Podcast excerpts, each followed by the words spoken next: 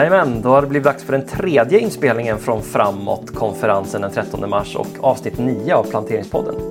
Idag kommer ni få lyssna till Hanna Jeppsson och hon kommer att dela erfarenheter från en lokal ledare i Hope Church.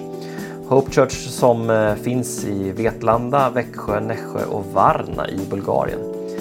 Hanna är en långvarig och trogen ledare i den här församlingen och eh, hon är en grym kvinna med både hjärta och pannben. Jag har mött henne flera gånger. Hon är gift med Micke och hon kommer också berätta lite grann om eh, M4, vårt eh, processverktyg som vi tränar planteringsteam i, i pingst.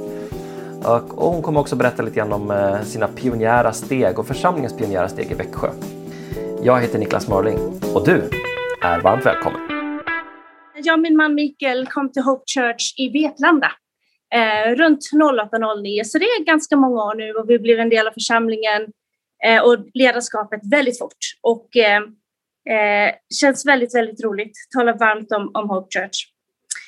Och eh, jag kommer tala idag lite utifrån Vetlanda också och hur vi startade församlingen i Växjö. Så vi kommer ha lite historia, se tillbaka hur det har påverkat Vetlanda, men också i vårt arbete i att starta i Växjö. Så vi kommer få lite av båda delarna.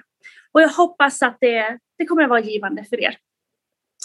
Så eh, när jag och Mikael kom till Hope Church då för cirka 12-13 år sedan så, så hade Patrik och Kiki ganska nyligen tagit över Hope Church fyra, fem år innan och var mitt i eh, att förändra en församlingskultur till att bli eh, eh, lite mer modern, var attraktiv för icke kyrkvana och ungdomar. Eh, och det jag mötte var ett pastorspar som eh, inte var rädda att, eh, att leda, tänka utanför boxen, att vara kreativa, innovativa i hur når vi nya människor? Hur fastnar vi inte innanför våra väggar, utan hur når vi människor som behöver höra om Jesus? Och något jag också märkte var i Hope Church är att eh, jag menar, så många församlingar så, så brinner vi för mission. Eh, pionjärmission lite mer specifikt, vi har även en bibelskola hos oss som heter Mission 111 som inriktar sig på pionjärmission. Men i många församlingar så kan missionsarbetet bli lite av, av en um, subkultur i kyrkan. Det är den här gruppen, de människorna som jobbar på mission. Och någon gång ibland får de dela lite på en söndag eh, vad de sysslar med. Eh, och, eh, men alla är ju inte så involverade. Och något som jag uppskattar att vi talar mycket om i Hope Church är att mission är både här och där. Ehm, det gör att hela församlingen kan vara en del av mission.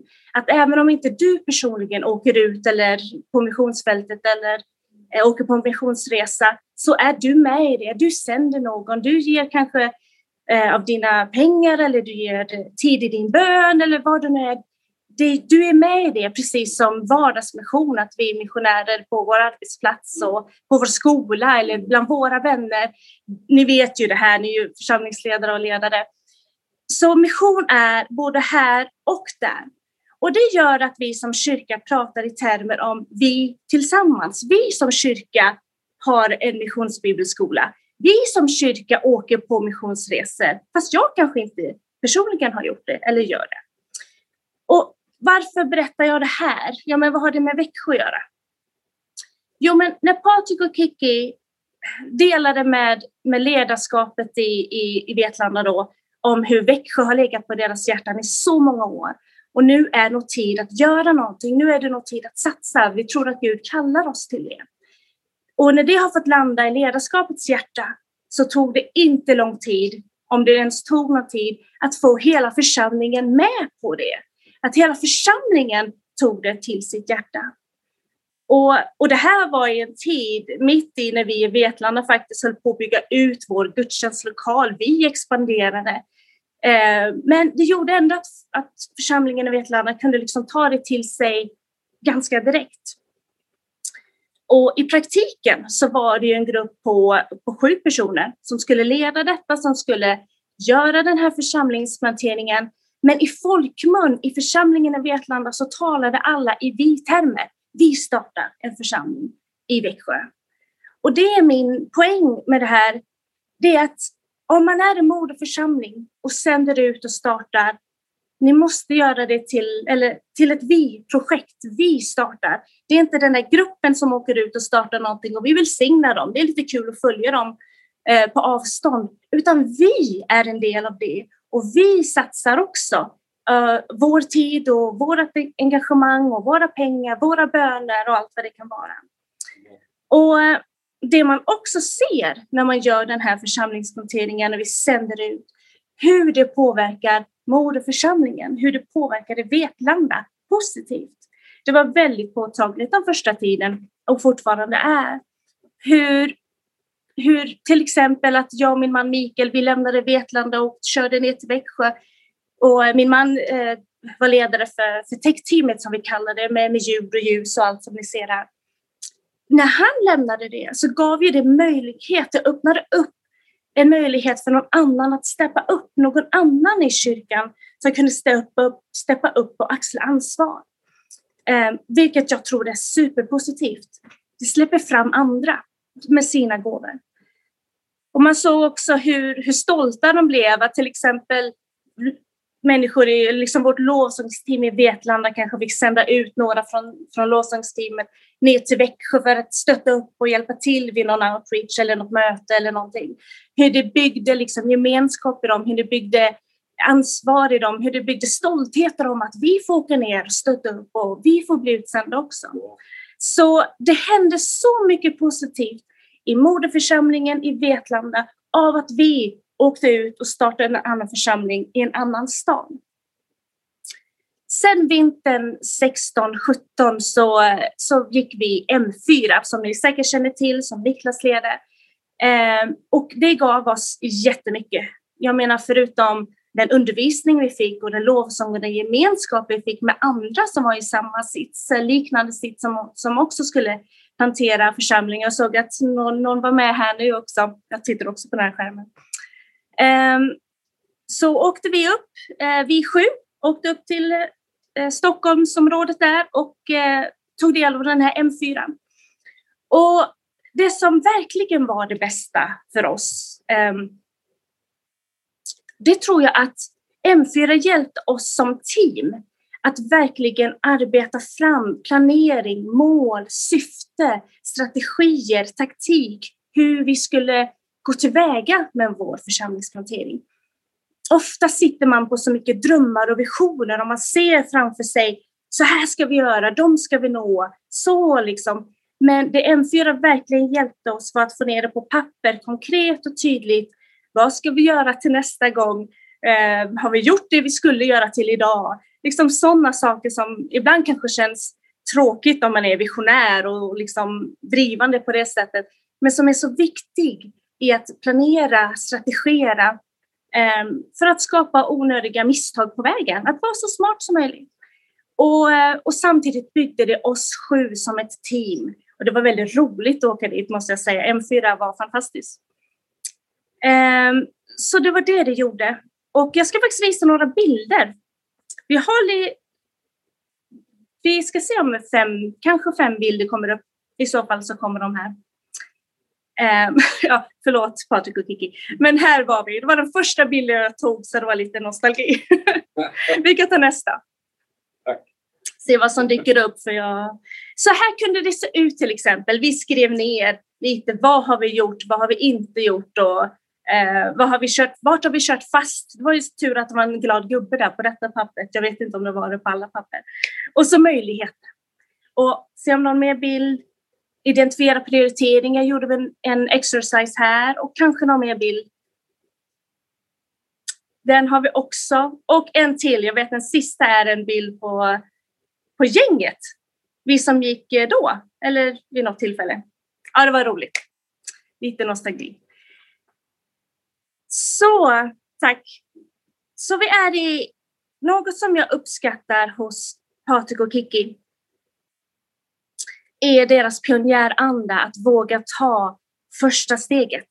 Och eh, innan vi hade våra första träffar i Växjö så vet jag att Patrik åkte ut och träffade alla pastorer, alla präster, alla eh, föreståndare i de andra kyrkorna i staden och satte sig ner med dem, tog säkert en fika med dem och pratade med dem och presenterade att eh, Hope Church kommer att komma till den här staden. Och eh, vi är inte här för att be om er tillåtelse, men vi är här för att be om er vänskap och era förböner. Och det här tror jag är så viktigt, att man möter de andra, för att ultimat så, så vi, vi arbetar mot samma mål, vi har samma syfte. Det är att få med oss människor in i himlen. Och vi kommer jobba på olika sätt. Vi har olika uttryck, vi, vi träffar och når olika människor. Vi når människor på olika sätt.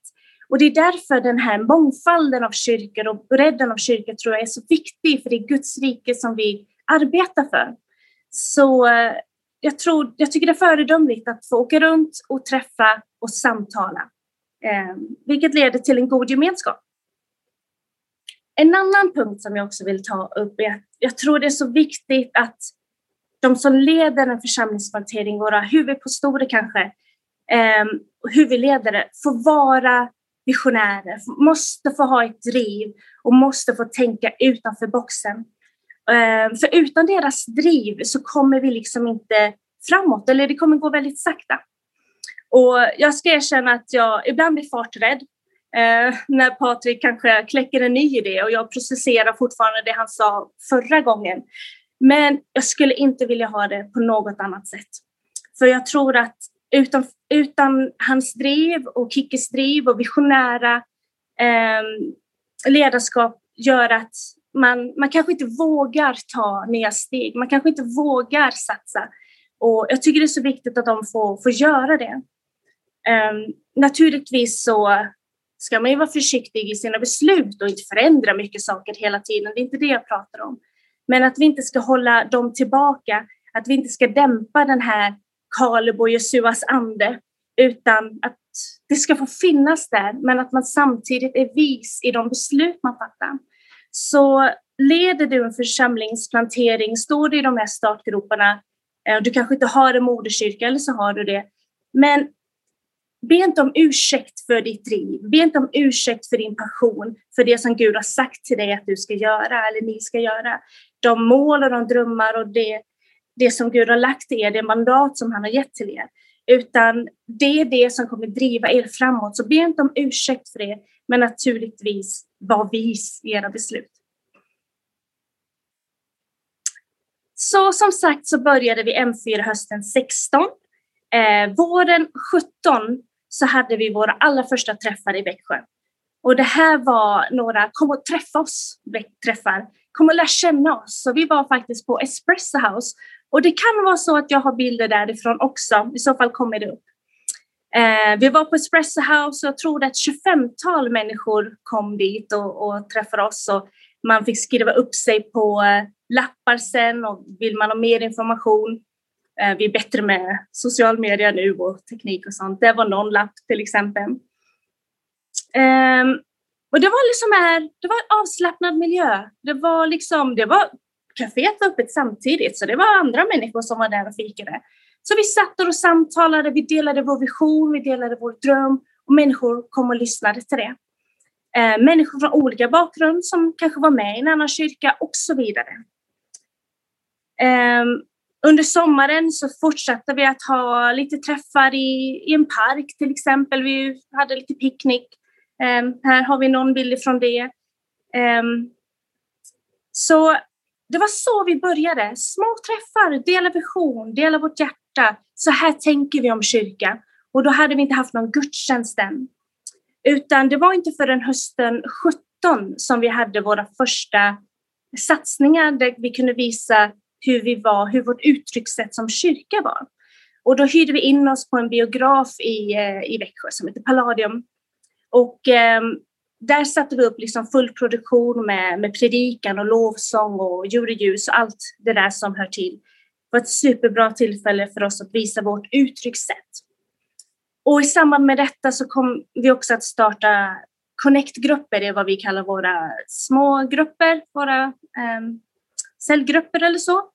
Och där i de här mindre grupperna fick vi samlas, lära känna varandra, dela livet och samtala och vi växte på det sättet.